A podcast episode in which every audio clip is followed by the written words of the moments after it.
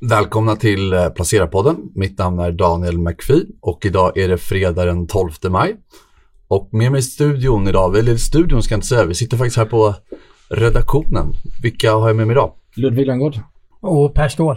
Och idag ska vi prata lite allt möjligt. Vi ska prata lite konsumentbolag. Vi ska prata lite Orkla. Vi ska prata lite USA tror jag eftersom att vi har en av våra kollegor här som kommit hem från USA. Vart har du varit Per?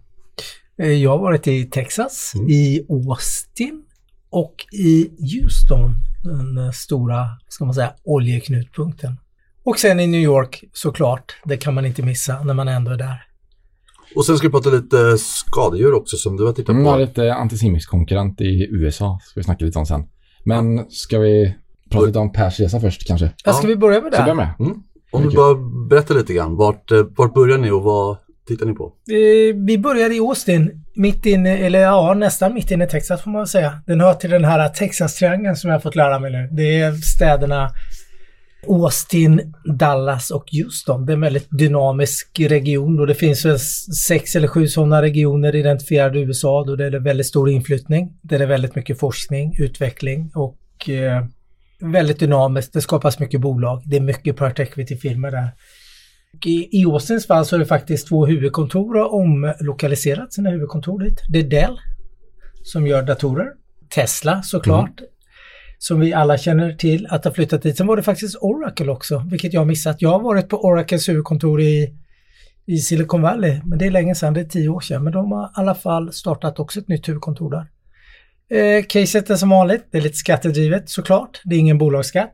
Det är ingen inkomstskatt. Kan man tänka sig är bra också då. Så det är, det är väldigt skattedrivet men det är också mycket klusterdrivet att det finns mycket forskning och utveckling eh, kring eh, EV och mycket, det finns mycket halvledarindustrin finns ju där. Vi var ju på Silicon Labs som är ett halvledarbolag som är där, som är ett eh, Austin-baserat, det grundades i slutet på 90-talet. Och det är noterat? Ja, det är noterat.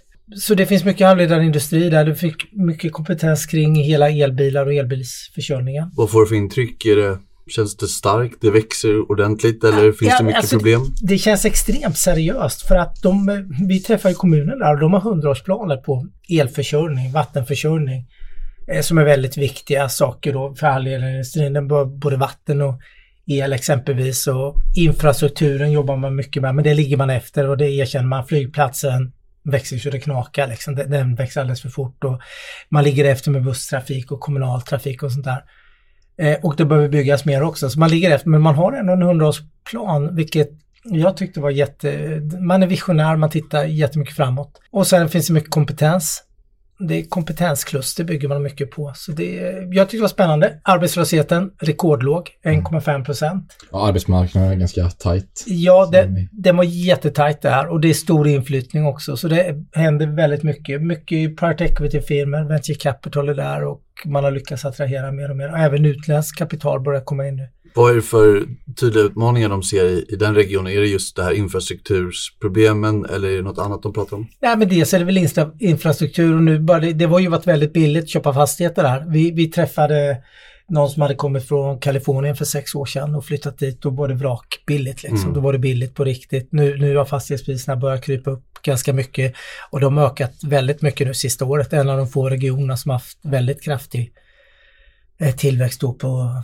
fastighetspriserna och så. Så det finns ju utmaningar med det också när det flyttar väldigt mycket folk till en begränsad yta på något sätt som det ändå är fast det är nog mycket mark och land. Och de flesta flyttar in från Kalifornien eller är det något mer än därifrån? Ja, det var New York mycket York. för levnadskostnaderna var, de var mindre än hälften av New Yorks och eh, de var i princip hälften av Kaliforniens då. Så det flyttar in från hela landet. Mycket är regionalt inom Texas eller många som flyttar till den här triangeln då, säkert Houston. Men du har en jättestor inflyttning, främst från Kalifornien och eh, New York, där man är ofta är högutbildade. De har mycket högutbildade människor. Jag tror att 70% av invånarna är under 50 år. Så det är ganska ung och dynamisk och kompetensdrivet område. Jättespännande. Det finns ju många, det är ett kluster som jag sa innan då inom halvledarindustrin där den stora draken är AMD som mm. finns där. Och eh, vilka vi inte besökte, de har produktionsanläggningar, utan vi eh, träffade ju Silicon Labs som är väldigt stora och de eh, satsar jättemycket nu på Internet of Things. att, och skala upp att det kommer att bli otroligt mycket halvledare i allting, Alltifrån brödrostar och he, hela vägen upp och att även det där inomhusmiljön, det kommer krävas mycket mer halvledare inomhus till elektroniken och optimera värme och eh, hela den här inomhusmiljön och allting inom byggnader och sånt. Har de upplevt någon form av avmattning senaste tiden eller är det fortsatt bara full fart? Kommer du ihåg det? De hade inte så mycket avmattning. Avmattning kan jag komma till sen för fan, vi träffar faktiskt ett plastbolag som gör plastartiklar till bilar. De har börjat se avmattning och det var faktiskt lite intressant. Men innan, och sen träffade vi då solenergibolag. Ett bolag som heter FTC Solar som kom till börsen 2021 och fortfarande inte lönsamt. Som har patent på eh, armar eller ställningar till, eh, till solpaneler. Och sen gör de en mjukvara också. Så den, eh, dels är det bygg, billigare att bygga med de här eh, själva fundamenten de har. Det krävs färre fundament än vad det gör till andra ställningar då till solpaneler. Och sen är de flexibla så de kan följa solens, eh, ja, solens gång på himlen så att säga och på så vis får, maximerar du instrålningen och får ut mer energi då genom en mjukvara. Jättespännande, men som sagt var inte lönsamt ännu. Så aktien har gått ganska dåligt då antar jag. Ja, det, de hade ganska hög skuld. Lite där som vi har sett med när börsen, eh, det var väl ett bolag som har kommit lite för tidigt till, Mm. till, till börsen också. Så det var väl det man tar med sig där. Sen åkte vi till Houston som egentligen är lite oljemecka. Med, Mycket med raffinaderier, transport och mm, ta, ta naturgas och olja från källan till raffinaderiet och även göra flytande naturgas som har blivit så populärt nu då i Europa. Mm, Att man kyler ner det så det blir flytande så man kan ha det flytande på en tankbåt då för att sen då exportera till Asien och till, till Europa. Då. Eh, Och där har man ju stora, där funderar man ju mycket vad man ska göra efter nu, eh, vad tiden går nu. Men det kommer ju behövas olja och naturgas under överskådlig tid ändå. Men hur man ser, vad, hur man tror man kan använda kanske pipelines för att, som någon pratar om, att man börjar fundera om man ska eh, köra koldioxid den vägen för lagring och sånt då. Så det, det finns massor med tankar hur man kan utnyttja hela den här stora infrastrukturen som finns på plats. Då. Träffade ni noterade bolag där? Där träffade vi noterade bolag. Vi träffade ett eh, plast, ett eh, petrokemibolag inom plast som var väldigt stora och levererar väldigt mycket till eh, både BMW och Audi. Mm. Och det var lite intressant för där, de hade börjat se lite avmattning i, i efterfrågan nu. På plast? På plast till, till bilar då, både, man, både inredningen och sen har man plastdetaljer ute på bilarna då. Så, eh, pre, lite premiumplast eller väldigt hög kvalitetsplast då. Som jag tappar namnet på vad, vad det hette då. Men de hade börjat se lite efterfrågeminskning eh, hos biltillverkarna i Europa då. Så vi får se. De hävdar att de har så stor backlog fortfarande från covid-perioden. Normalt har det, du har börjat vänta tre månader på att få en ny bil. Nu under covid eller har du börjat att vänta kanske 12 månader eller 15 månader. Att den börjar man nog beta av nu kanske, att det har inte kommit in så mycket nya order. Är det något som får dig att tänka kring Porsche kanske? Nej, men Porsche var ju bra. De hade ju 18 procents eh, försäljningsökning. Men jag tror att det många andra kanske blir squeezade. Kanske inte just Porsche och Ferrari, men du har Lågpris. eh, lite mer lågprissegmentet tror jag som kanske det börjar slå på. Så vi får se ifall deras spaning stämmer. Mm. Och så vidare till New York sen.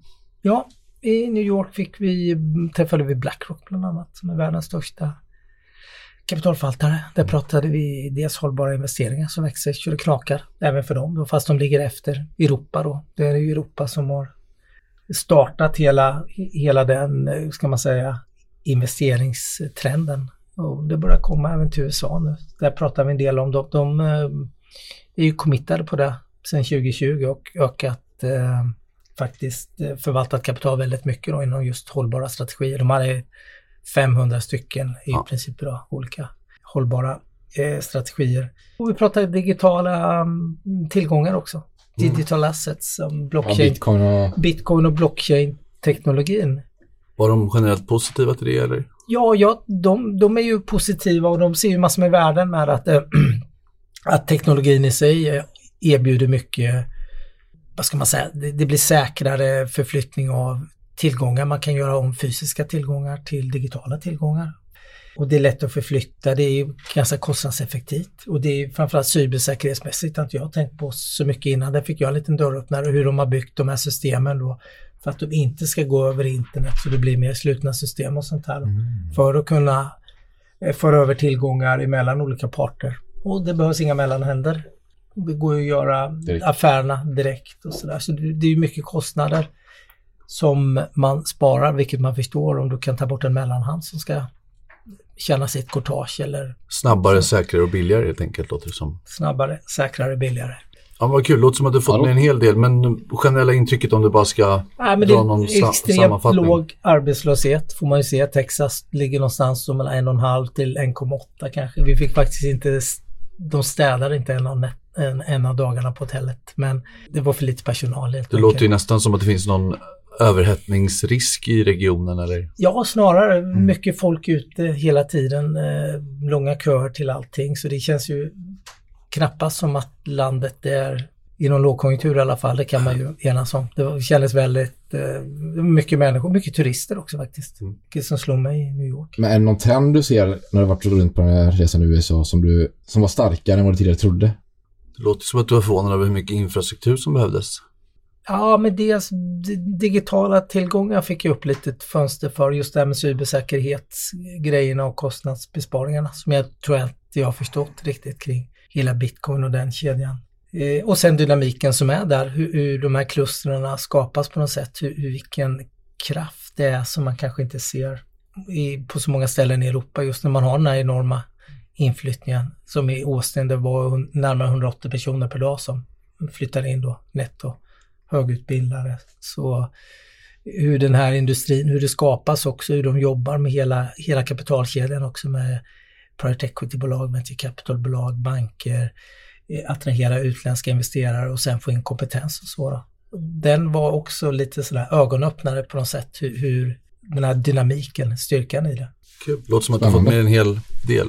En hel del ja. Men vad har ni gjort då i veckan? Nu när jag har varit borta och sådär. Ni har skrivit, de här skadedjuren vill jag veta mer om. Jag har ju nästan ägt det i Anticimex tidigare. Jag var ju Ratos-ägare eller Ratos-ägare. Ja just det, de sålde väl det till EQT va? Ja. Men då var jag Anticimex-ägare under en period. Ja, och det var nog lyckat tror jag. Kan jag tänka mig. Det var inte jättelyckat för Nej. Ratos tror jag. Det blev Nej. mer lyckat för EQT om jag minns okay. rätt. ja men för Rollins då som är motsvarande Anticimex i USA kan man säga att det, blev, det har varit väldigt lyckat med det här skadedjursbekämpningsgrejen då. Så Rollins är då USAs största aktör inom detta.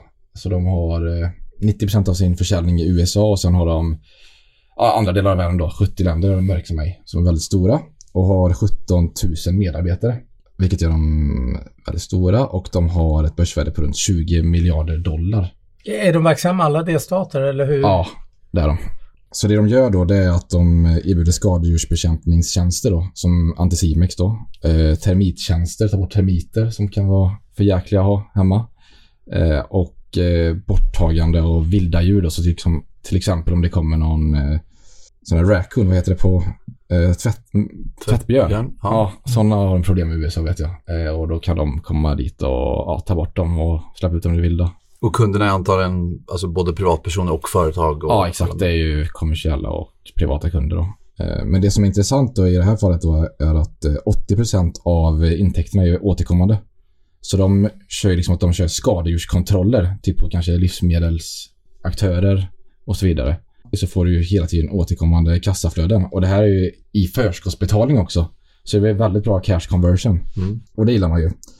Och sen ska man, kan man tillägga att termitskador kostar väldigt mycket för amerikanerna. Det kostar 5 miljarder dollar per år mm. eh, att åtgärda dessa skador som blir av termiter. Så det är ett exempel på ett problem då som finns. Jag, jag tänkte på hur strukturella trender gillar vi att prata om. Mm. Med klimatomställningen och det blir varmare och lite fuktigare och mer regn och hela det känns ju lite som en grogrund för mycket skadeinsekter mm. i alla fall. Kanske inte just de här tvättbjörnarna, men, men om man tänker skadedjur. Jag tänker även mm. i Sverige här, för det ändras lite. Jag såg på tvn igår, det är, det är kanske alltid mycket fästningar, men i år blir det mm. jättemycket fästningar. Och så ja, för, för det har varit så gynnsamt och det kommer nya varianter.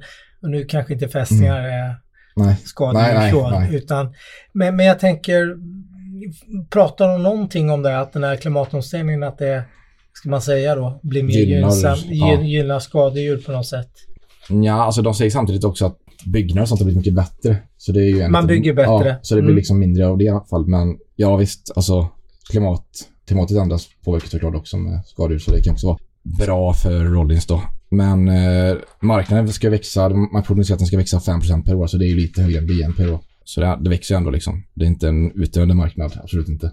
Jag antar att det här är ett ganska lönsamt bolag, eller? Ja, de har ju då rörelsemarginaler på 20% nästan, 19%. Så det är väldigt lönsamt. Rollins då förvärvar ju också andra bolag så de får väldigt mycket skalfördelar, är viktigt här. Eh, så man kan liksom se att de har gjort en jäkla marginalresa från 20 år tillbaka. Då hade man 10% rörelsemarginal och nu har man 19 då. Och det är ju tack vare skalfördelarna då och även att man kör ruttoptimering då försöker man investera mycket i. Så att det ska vara, ja, bli bättre och mer effektivt och då får man bättre marginaler helt enkelt. Och man kan ju knappt liksom se under finanskrisen att eh, de påverkades negativt. Så det är väldigt stabilt. Men det är ju också att värderingen blir ju väldigt hög i dessa tider Ja. som det är nu lite oroligt. Aktien är ju typ på all time high. Eh, så du får betala liksom PE nästan 50, 47. P47 får betala på innevarande år. Och EV ebit 36. Det låter väldigt högt. Ja, och då har du liksom en tillväxt. De växer liksom 10% per år med bra marginaler. Så det är ett jäkligt bra bolag, men kanske till en fel prislapp skulle jag vilja säga då. Tror man kan eh, komma in i bättre lägen. Spännande. Ja, bättre lägen. Jag har tittat på eh, vad heter det, mm, konsumentbolagen. Vi pratar ju mycket om inflation och räntor och alla problem som den svenska konsumenten har. Eh, Men om man får kanske här börja skilja lite på bolag och, och aktier. Vi har ju tittat på 15 olika konsumentbolag eller konsumentrelaterade bolag. Eh, Tittat på hur de gått i år och hur de värderas och skuldsättningen. Eh, Och eh, tycker det är ganska intressant och det finns ju flera av de här bolagen som trots att de haft ganska tufft eh, gått väldigt bra på börsen. Eh, de hade ett tufft fjolår eh, men tittar man på de som har gått väldigt bra så har vi Biogaia som faktiskt i det här klimatet också lyckats väldigt bra. De säljer sin probiotika eh, produkter eh, bland annat på Amazon och eh, framförallt i USA så har försäljningen gått väldigt bra. Så den aktien är upp 30% i år. Eh, och apropå höga värderingar så handlas den till en- ett P tal runt 35. Eh, Även Thule har gått bra som också haft tufft. Eh, Avgick inte finanschefen där i dag? Igår, gick, Igår. Kom Ja. det någon nyhet om det tror jag. De har ju också tagit in en ny vd, Byggmax gamla Mm. vd. Eh, och de är upp 28% i år också, värderas relativt högt får man nog säga. Och även Mips har också gått bra i år rent aktiemässigt. Det här, alla de här Mm. bolagen är ju bolag som är väldigt hårt blankade och ligger där bland de topp 15 aktierna som är mest blankade.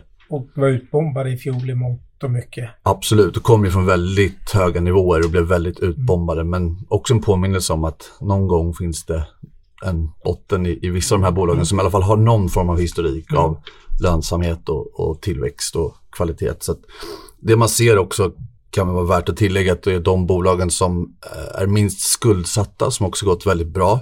Eh, Biogaia har en rätt, väldigt stor nettokassa, jag tror att den är på en och en halv miljard ungefär. Även Mips har ju en nettokassa. Och det är de också som värderas absolut högst, vilket är ju rimligt, men det är också kanske ingenting man eh, tittar på hela tiden sådär. De som haft det absolut tuffast är de som är konsumentrelaterat mot byggsektorn eh, och där är ju Byggmax, BOG och även Nobia som är kökstillverkande och de här aktierna råkar ju också vara de som är mest skuldsatta om man ser till ebitda eh, eller relation till ebitda. Så där har vi också sett lite nyemissioner eh, och de aktierna är också de aktierna som har gått sämst på ett år. Så det här är bolag som har haft tufft länge och har haft fortsatt tufft i år. Då. Men det var lite intressant. Jag, nu tog du upp det, det jag inte nämnde om USA, men Mm. inflationen. Mm. Alltså saker och ting var väldigt dyrt. Mm. Jag var och köpte Och sen dollarn också har du ju. Ja, dollarn är ju såklart också dyr, men man märkte att saker och ting var dyra. Alltså kaffe var dyrt. Mm. Det var så här 5,90 för en cappuccino på Starbucks. Så du får ingen känsla av att inflationen kommer ner eller? Nej, men man inser ju att, jag förstår ju att inflationen har inom tjänstesektorn har varit hög och det, det var ju så tydligt på, eh, tyckte jag, mycket så matpriser och eh, restaurangpriser och kaffe och dylikt då. Det, det tyckte jag var riktigt, riktigt dyrt faktiskt. Mm. Det, det ser man väl den här inflationseffekten liksom, förutom att kronan är svag. Eh, på tal om inflation, det var temat Mm, inflation, men det var också lite att man ser att saker och ting har blivit rejält mycket dyrare, tycker Mm. jag. Mm. Och det känns som att det har bitit sig fast ändå en del även fast vi får väl se vad det Ja, kommer framåt nu. det är väl tveksamt att tro att kaffet blir billigare på Starbucks. Mm. Jag, det, jag vet inte, men det kommer nog kosta de här 5,90 eller 5,80 eller vad det var. Så får vi se då. Men Ja, de har uppenbarligen höjt priserna. Och apropå det, jag har också faktiskt tittat på Orkla som är ju ett eh, konsumentrelaterat bolag. De jobbar ju med livsmedel och många kända ma- varumärken. De har över 300 varumärken. De har också faktiskt i Q1 här så växer de intäkterna tror jag 13% organiskt och det är bara prishöjningar. Så att volymen går ner eh, men de lyckas höja priserna. De pratar ju också om att det är fortsatt problem med inköpskostnader för, för dem. Men det är ju det här som är fint att om de här inköpspriserna börjar komma ner, de lyckas hålla de här priserna så kommer man ju kunna se ganska bra marginaltillväxt tror jag i de här typerna av verksamheter som du är inne på, kanske Starbucks också. Men har de mycket lågpris, Orkla? Eh, De, det är där de har mest konkurrens eh, och det är där de har sett, de är inte riktigt lika starka inom just lågpris, lågpris och det är där också de har sett en, eh, eller det är där de har mest utmaningar för att man ser hur konsumenten skiftar allt mer mot lågpris inom livsmedel och det är där de har sämst position. Men de har ju 300 varumärken och det är allt från Funlight till havrefras till Bob? Bob. Ja. Ehm, så att de har ju hur mycket som helst, mycket fryspizza. Eh, som hem, de försöker bli marknadsledare inom fryspizza eh, i, i Europa. Och gjort förvärv inom det. Eh, också ingenting som kanske växer så här supersnabbt men ganska lågt värderat P15 eh, på nästa år. Men jag tror att de kan göra lite bättre om de lyckas faktiskt få upp marginaler här. Om de, göra marginalresa, ja. Ja, Mm. och så har de precis gjort, de fick in en ny vd för ett år sedan eh, som också nu här i mars så har de börjat med sin nya st- struktur. De gör en stor strukturförändring som de presenterade i förra året.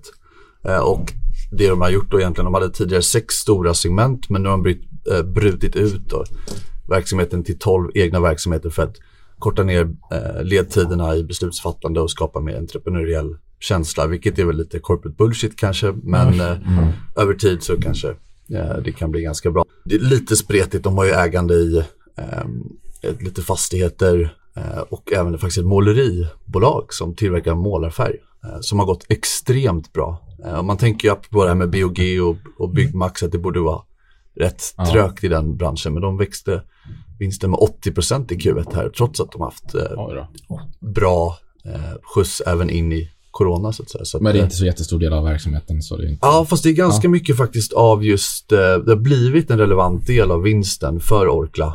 Eh, så jag tror att de bidrog med 400 miljoner och så hade man en ebit orkla på 1,7 mm. Eh, så att, eh, miljarder. Så att det går rätt bra. Norska kronan är ju svag nu så att, eh, jag tror att det här kan vara ett ganska intressant läge eh, om man har lite tid. Delar ut 4 ungefär. Ingenting jättespännande men om man tittar på Axfood och Procter Gamble de värderas ju på helt andra multiplar. Och det är familjeakt? Eh, 20 procent, familjen Hagen. Det gillar man ju. Ja. ja, det gillar man. Och jag gillar norska kronan som är svag mm. istället mm. för att köpa dollar och kanske eurobolag Mm. Också i dessa tider. Mm. Och apropå det, vad har vi gjort för um, affärer i veckan? Uh, Per, du har ju varit lite aktiv tror jag, ja, känns det som. Ja, men jag hade ju lite tid över. När man reser så hinner man ju tänka mycket. Mm. Och mycket nya tankar, konstiga tankar. eh, jag har vårstädat lite min portfölj faktiskt. Okay. Jag pratade, jag sålde datorer ägt sedan 2012. Det är Oj. länge. Då var inte du gammal Ludvig. Nej, det var 12 år. Blev var det 11 12 år. år. Men jag räknade 11 år. Det var lite Gustav Douglas eh, frånfälle. Jag pratade med någon eh, förvaltare som kan Latour mycket bättre än vad jag kan. Och han hävdade att Gustav har ändå varit med ganska mycket i affärerna. Och han tyckte att de hade gjort ganska dåliga affärer sista, sista åren också. Att Ja, inte- C-tech Ja. C-tech har varit väldigt dålig och de- de har gjort några, det har inte varit så imponerande tyckte han sista tiden. Och sen med Gustav så Och den handlas väl fortfarande till en premie va? Om Ja, det gör den ju fortfarande. rejäl fortfarande. Den är fortfarande ganska rejäl när den var rejälare. Så där hoppade jag av tåget Mm. eh, efter eh, en lång tid. Sen sålde jag ner lite, hade lite småslattar kvar när man köpte under covid, covid-trade får man säga det. Men det, de köptes i alla fall under den här eh, 2022 när eh, börserna gick ner och sen vände upp ganska kraftigt. Då. Så det här är faktiskt Så har du covid nu? ja, under Ja, covid-perioden. 2020. Ja, 2020. Mm, 2022. Nej, inte 20, men 2020. Ja. Precis, det är Crowdstrike. Är det väl någon mer som äger det här? Ja, jag har inte det. Men jag Nej. tror Karl Lantz har det faktiskt. Ja, Bara. eh, cybersäkerhet. Ja. Tanken är att jag ska köpa Palo Alto. Den har vi tittat på kanske säkert två år. Den är Mm, alltid för mm, dyr. mm, Men nu tänkte jag, jag säljer så har jag pengar för att köpa Palo Alto Networks. Som då är betydligt bredare som jag förstår det Mm. inom cybersäkerhet och så. Carrier Global. Vad är det för någonting? Ja, vad är det för någonting? De håller, det är ju lite ett BRF-konkurrent kan man säga. Mm. Eh, håller på med kyla och även värme. Ägde också BRF tidigare. Ja, eh, så där har jag kastat in handduken. De var ganska billiga ett tag. Under här. Eh, det är nog faktiskt, Melator är väl den enda bra, riktigt bra affären av de här. Sen kommer ju skräckaffären då. Mitt Rysslands bett, Ferronordic. Mm. Men de har fått ordning på verksamheten i Tyskland nu. De var lönsamma där första gången de släppte rapport. Men jag tänkte, jag, nu, nu kan jag lämna den här, sur, det är en riktig surdeg då. Som, Mm. Har du köpt någonting för de här? eh, Nej, jag har inte köpt någonting utan nu ligger jag och eh, får vi se vad jag ska göra. Det är Palo Alto som ligger närmast till hands. Sen satt jag, jag skrev faktiskt en text om mitt pensionssparande, tjänstepensionssparande nu. Och jag gjorde senaste bytena 19 januari. Eh, så jag satt och tittade på börsen gått sedan 19 januari. Och de är i princip flatt. Så i princip stora delar av årets uppgång, i alla fall på Stockholmsbörsen, kom första tre veckorna. Mm. Så det har varit sidledes. Eh, bara som en liten reflektion då, så jag får se. Jag tror jag kan ligga om börsen fortsätter att gå så här sidledes som den faktiskt har gjort nu under en eh, längre period då, fast vissa månader har det varit plus. Så- Kanske blir lite svagt här in till sommaren så när du reser nästa gång så kan du börja handla igen. Ja, så lite kassa för en gångs skull. Vad har ni själva gjort då? Jag har inte gjort någonting faktiskt. Nej, jag har inte varit med på ett tag. Eh, men jag köpte ju Investor i förra höst, eller hösten 2022 för att få lite börsexponering. Börsen var ju väldigt svag, jag tror att den var ner 30-35%. Köpte jag lite Investor. De valde jag faktiskt att sälja nu. Det är väl ett sånt innehav man kanske aldrig bör sälja eller aldrig bör köpa om man frågar dig. Men ehm, jag tycker väl ändå att eh, det var ett bra sätt att få, jag var ju fullinvesterad så det var ett bra sätt att få lite kassa och minska börsexponeringen. Sen hade jag också en liten surdeg som jag hade kvar en liten post i som är Truecaller. Eh, och Kommer de, rapport i veckan? ja, som var Bättre det än gick ganska bra Ja. såg jag och det, jag tror absolut de kan få ordning på det. Jag ägde ju dem eh, tidigare och sen så i samband med blanka rapporten så valde jag att lämna skeppet. Det har funnits massa olika Mm. diskussioner kring det och det är säkert ett bra bolag. De tjänar säkert bra med pengar framåt. Men eh, mycket turbulens där kring eh, GDPR och sådana frågor som kan vara svåra att bedöma. Mm. Eh, men nu, jag hade kvar en liten, liten post och den kastade jag ut nu för att också öka upp kassan. Eh, så det är väl det jag har gjort. Vad ska vi säga? Ska vi ta... Ska vi ta helg nu då? Ja, Det det är vi. dags. Ja. Trevlig Trevlig helg. helg. Trevlig helg.